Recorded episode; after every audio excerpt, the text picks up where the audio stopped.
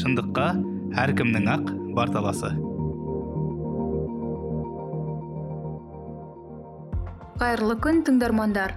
Қазақстандағы алғаш факт чекинг және медиа сауаттылық подкастына қош келдіңіздер.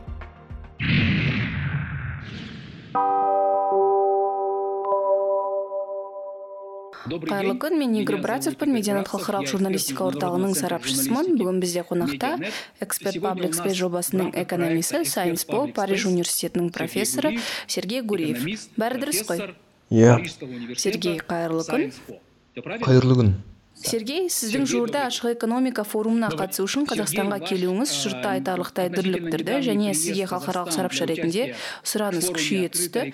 дегенмен бүгін біз экономика туралы ғана емес нақтырақ айтсақ сізде айналысатын факт чекинг соның ішінде оның экономикаға әсері туралы да сөйлесеміз. Сұхбатты мынандай жалпы философиялық сауалдан бастайын жалпы фейктер жалған ақпараттар формасы мен мазмұнына қарай факт чектен қызық болып көрінбей ме? бұл кез келген жалған ақпараттың таралу жылдамдығына байланысты көрсеткіш. Бұл әдетте жамандықтың жақсылықтан гөрі тартымды болуынан ба? Факт чекинг пайдалы жұмыс бірақ сізге ол тұтастай алғанда ойдан шығарылған жаумен күрес сияқты көрінбей ме?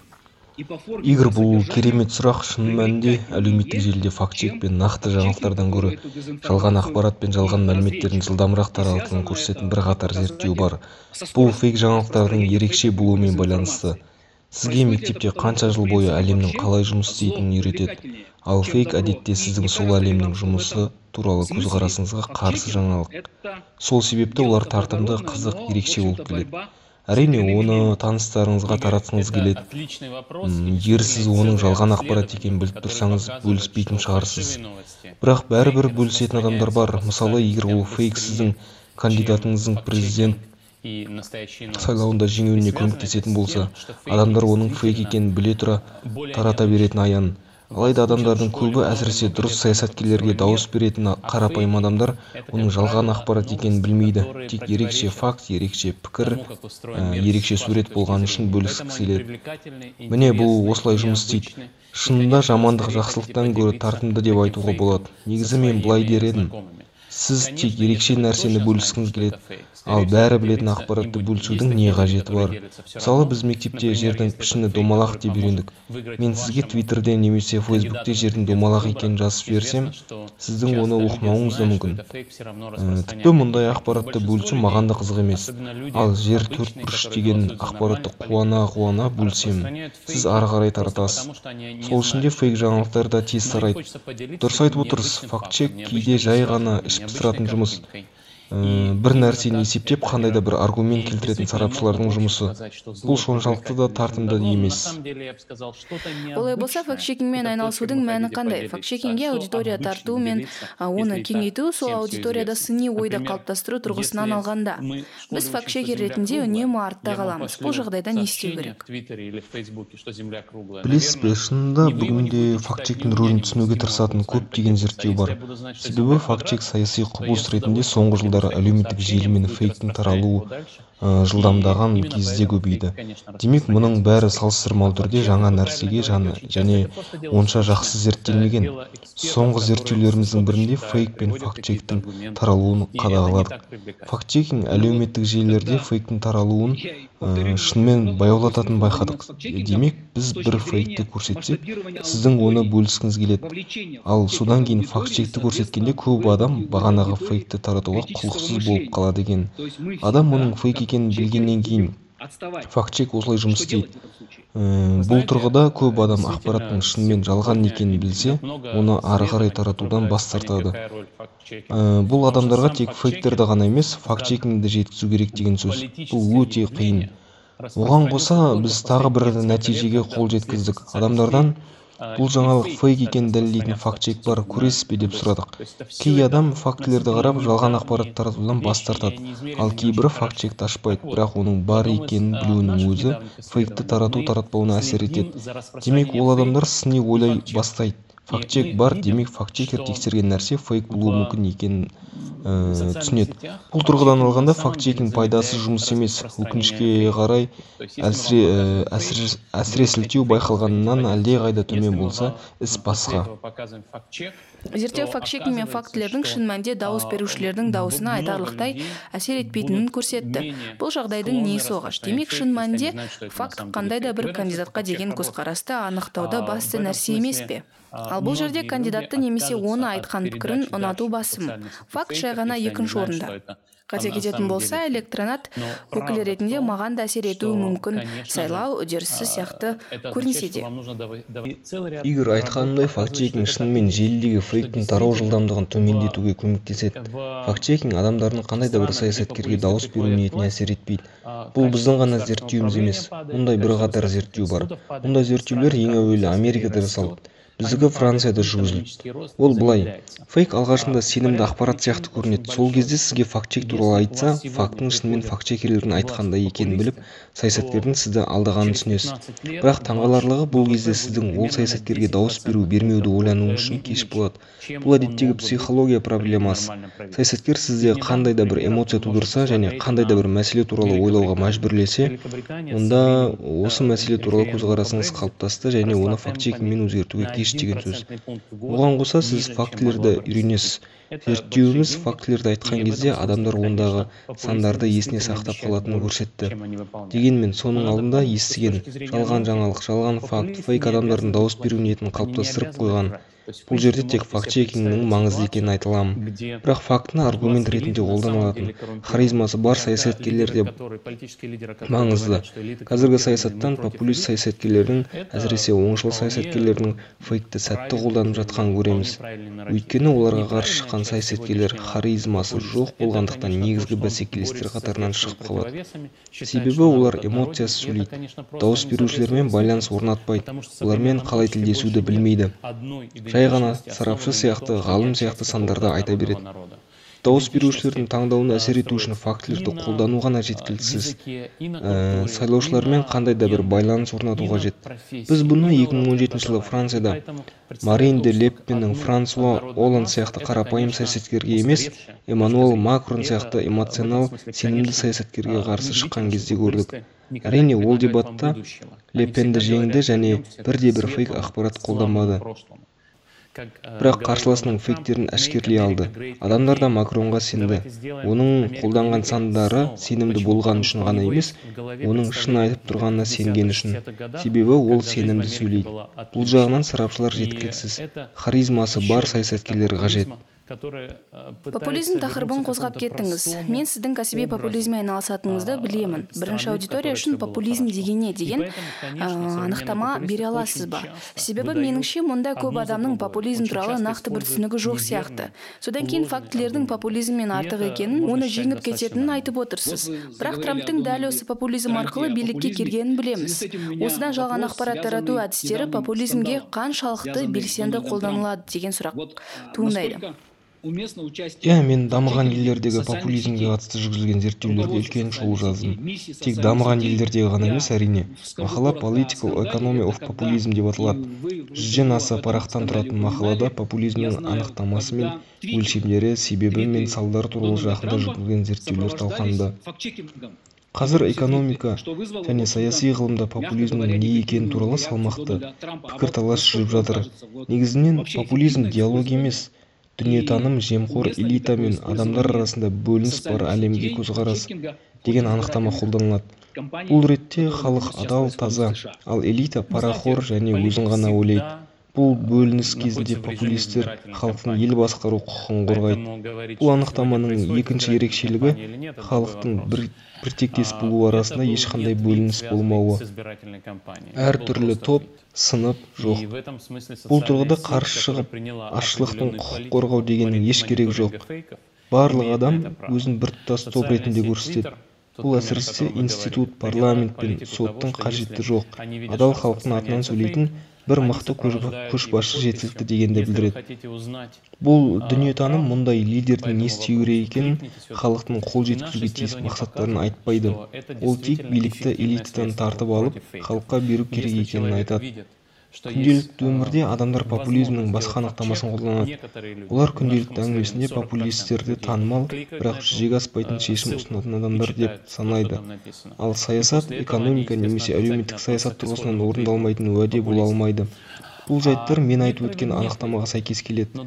егер қай мағынада десеңіз билікке келген популистер қарсы тараптың тепе теңдігін бұзуға технократтардың мүмкіндігін жоюға популист лидерлердің үстемдігінсіз жұмыс істеуге тырысады.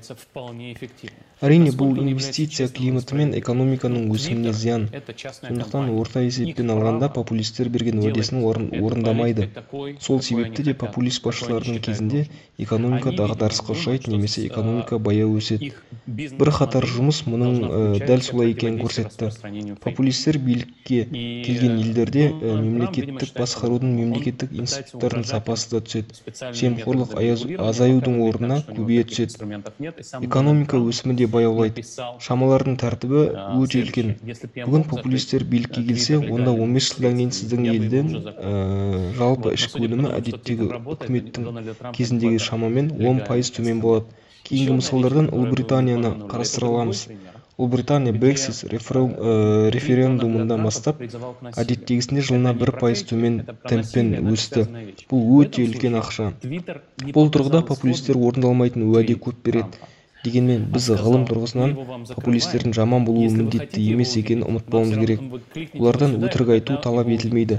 Демек сіз элита іс жүзінде жемқорға айналса не болатынын елестете аласыз саяси жетекшілердің элита жемқор ал біз элитаға қарсымыз деп айту өте дұрыс мәлімдеме дұрыс нарратив. бүгінгі популистердің дұрыс бөлігі адамдардың бәрін сынайтындармен күреседі бұл шындыққа жанасады әрине себебі қазіргі қоғамда мен біртектес адамдардың бір бөлігімін дейтін бірегейлік жоқ.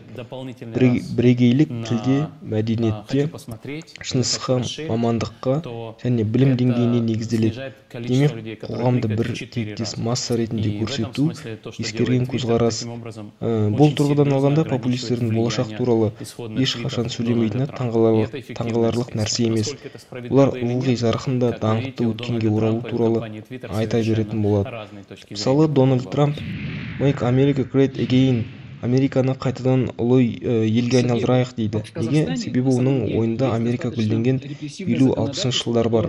елде бәрі жақсы болған кезге оралуды көздеу популизмнің тағы бір қыры. Сондықтан заманауи популистер өте жиі өтірік айтады. дұрыс емес жалған аргументтерді жиі қолданады. Бұл қалыпты жағдай деуге болады.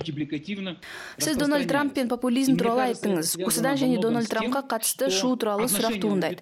пак шекинге әлеуметтік желі мен оны басқаруды миссиясын араластыру қаншалықты дұрыс шу туралы қысқаша айтайын сіз мұны сұхбат барысында атап өттіңіз дональд трамптың барлық твитінде факт чекинг жасалатындығын білемін бұл трамптың ашуына тиеді жалпы оны пайдалану қаншалықты тиімді оған қоса сайлау науқаны кезінде әлеуметтік желілерді пайдалану және факт чекинг қолдану қаншалықты дұрыс мысалы қазір ондай науқан ақшта жүріп жатыр білесіз бе саясаткер әрқашан сайлау науқаны режимінде болады сондықтан сайлау науқаны өтіп жатыр ма жоқ па бұл басқа мәселе ол сайлау науқанына қатысты твит емес еді.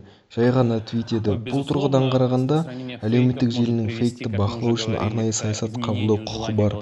мысалы сіз айтқан твиттер желісі фейк таралып жатқанын көрсе астына шындықты білгіңіз келсе мына жерден басыңыз деп жазып қояды.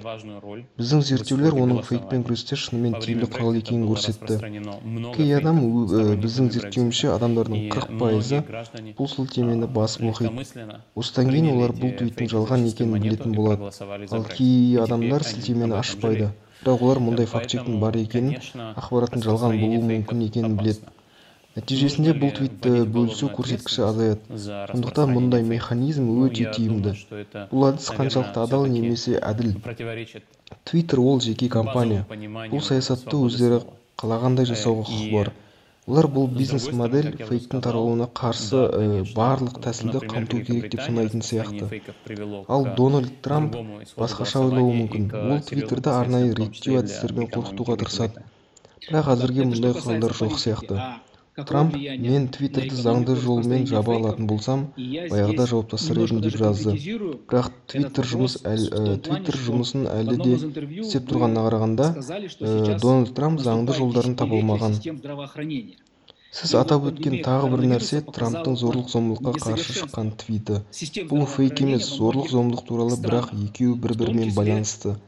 бұл кезде твиттер ол твиттің түпнұсқасын көрсетпеді біз сізге мұны көрсетпейміз көргіңіз келсе мына жерді басыңыз содан кейін ғана көре аласыз бірақ сіз трамптың твитін көру үшін саналы түрде қосымша тағы бір тағы бір рет басқаныңызды қалаймыз себебі біз бұл твит зорлық зомбылыққа шақырады деп ойлаймыз деп жазды біздің зерттеуіміз көрсеткендей әрбір қосымша басу осы хабарламаны тарататын адамдардың санын айтарлықтай азайтты.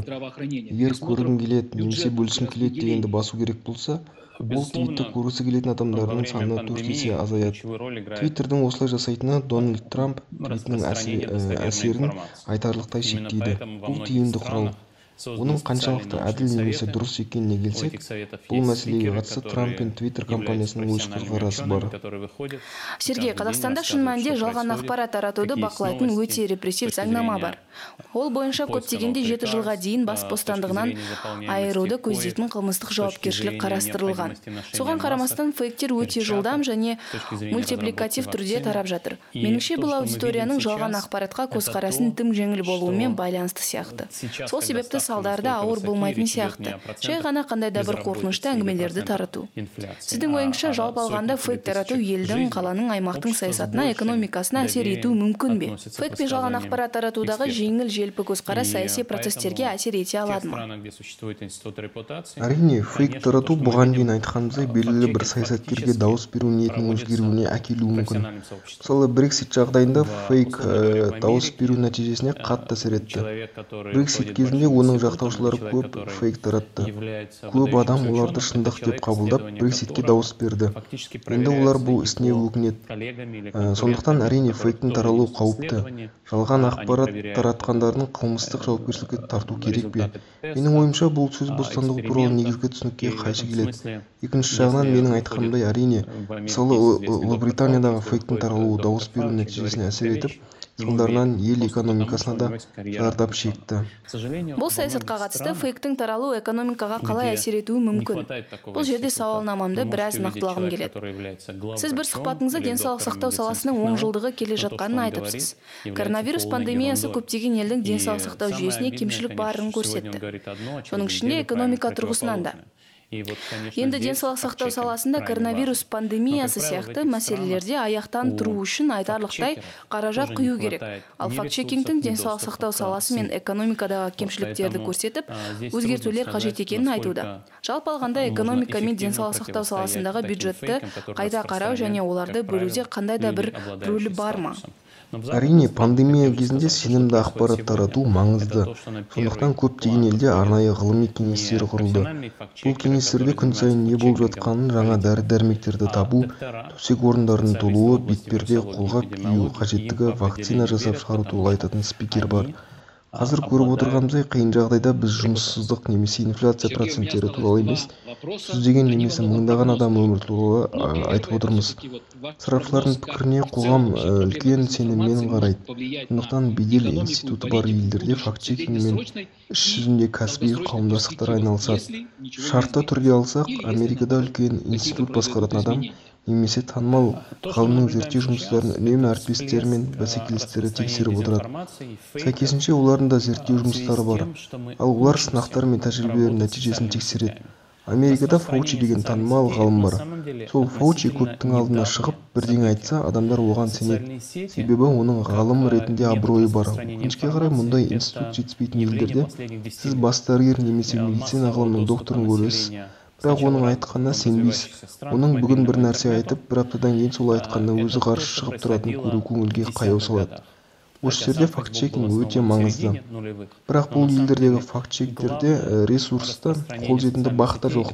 сондықтан әдетте мәртебесі бар адамдар тартатын мұндай фейктерге қарсы тұру қаншалықты тиімді екенін айту қиын. бірақ жоғарыда айтқанымдай батыс елдерінде алдыңғы шепте саясаткерлердің факт чекингімен айналысатын факт чекерлер емес дәрігерлер вирусология немесе эпидемиология саласындағы мамандар. адамдар оларға сенеді. өйткені олар өз саласында беделі бар мамандар. Сергей менде екі сұрақ қалды екеуі де болжамға құрылған біріншісі болашақта ештеңе өзгермесе немесе керісінше өзгерсе жалған ақпарат проблемасы экономика мен саясатқа қалай әсер етуі мүмкін? қазір әлеуметтік желілермен жұмыс істеуді үйреніп жатқанымызға байланысты жалған ақпарат пен фейктің таралуын байқап отырмыз. әлеуметтік желілер ақпарат таратушы құрал ретінде кейінгі он жылда әуелі дамыған елдерде кейін дамушы елдерде мобайл интернет қолжетімді. Болған кезде пайда болған құбылыс. фейсбуктың өзі екі мыңыншы жылдардың ортасында құрылған. Бірақ іс жүзінде әлеуметтік желілер кейінгі он жылда танымал бола түсті деп айта аламыз. Әзірге саяси экономикалық мейнстрим әлеуметтік желімен жұмысты фейк пен жалған ақпараттарға қарсы тұруды енді үйретіп келеді. сондықтан әлеуметтік желіде жалған ақпараттың таралуына факт чекердің журналистің ғалымның сарапшының негізгі саясаткерлердің қарсы тұру тиімділігін болжау әлі қиын. мен оптимист көзқараста қала беремін себебі жаңа коммуникация технологиясы алғашқы орынға бірінші рет шығып отырған жоқ. Бұл баспаханада радиода және телевизияда да болды басында ол технологияларды жүйеден тыс саясаткерлер қолданды бұны көбінесе жалған ақпарат насихаттау және фейк қолдану арқылы жасады сосын бұл технологияларда негізгі саясаткерлер де үйреніп тепе теңдік орнады сондықтан біз қоғамдық ақпарат кеңістігін өз қолымызға алып әлеуметтік желіде жеке мақсатта жалған ақпарат тарататын саясаткерлерден қорғана аламыз деп үміттенемін рахмет қорытынды сұрақ бұл сіз туралы айтып кеттіңіз ә, дегенмен жалған ақпарат мәселесін шешу мен адам құқығы әсіресе сөз бостандығын сақтаудың арасындағы тепе теңдікті қалай табуға болады. Бұл мүмкін бе жоқ па? біз бүгін трамп пен твиттер арасындағы қақтығысты көріп отырмыз. бұл қызық тәжірибе. себебі бір жағынан трамп трамптың ақпарат тарату еркіндігі сақталса екінші жағынан твиттер жазбаларды тексеріп оқырманға оны тексеру мүмкіндігін беріп отыр. демек трамп не ойласа соның бәрін айтуға ал оқырманның оны сынауға мүмкіндігі бар. твиттер оларға трамптың рас немесе өтірік айтып отырғанын тексеруге көмектеседі. демек еркіндік бар. Екінші жағынан жалған ақпарат таратуға кедергі келтіретін меніңше болашақта болашақта да осылай жалғаса беретін шығар сіздің өтірік айту менің сізді тексеру мүмкіндігім бар. Бірақ мұның бәрі тек алғашқы қадамдар екенін ұмытпауымыз керек. жаңа формат жаңа идеялар пайда болуы мүмкін.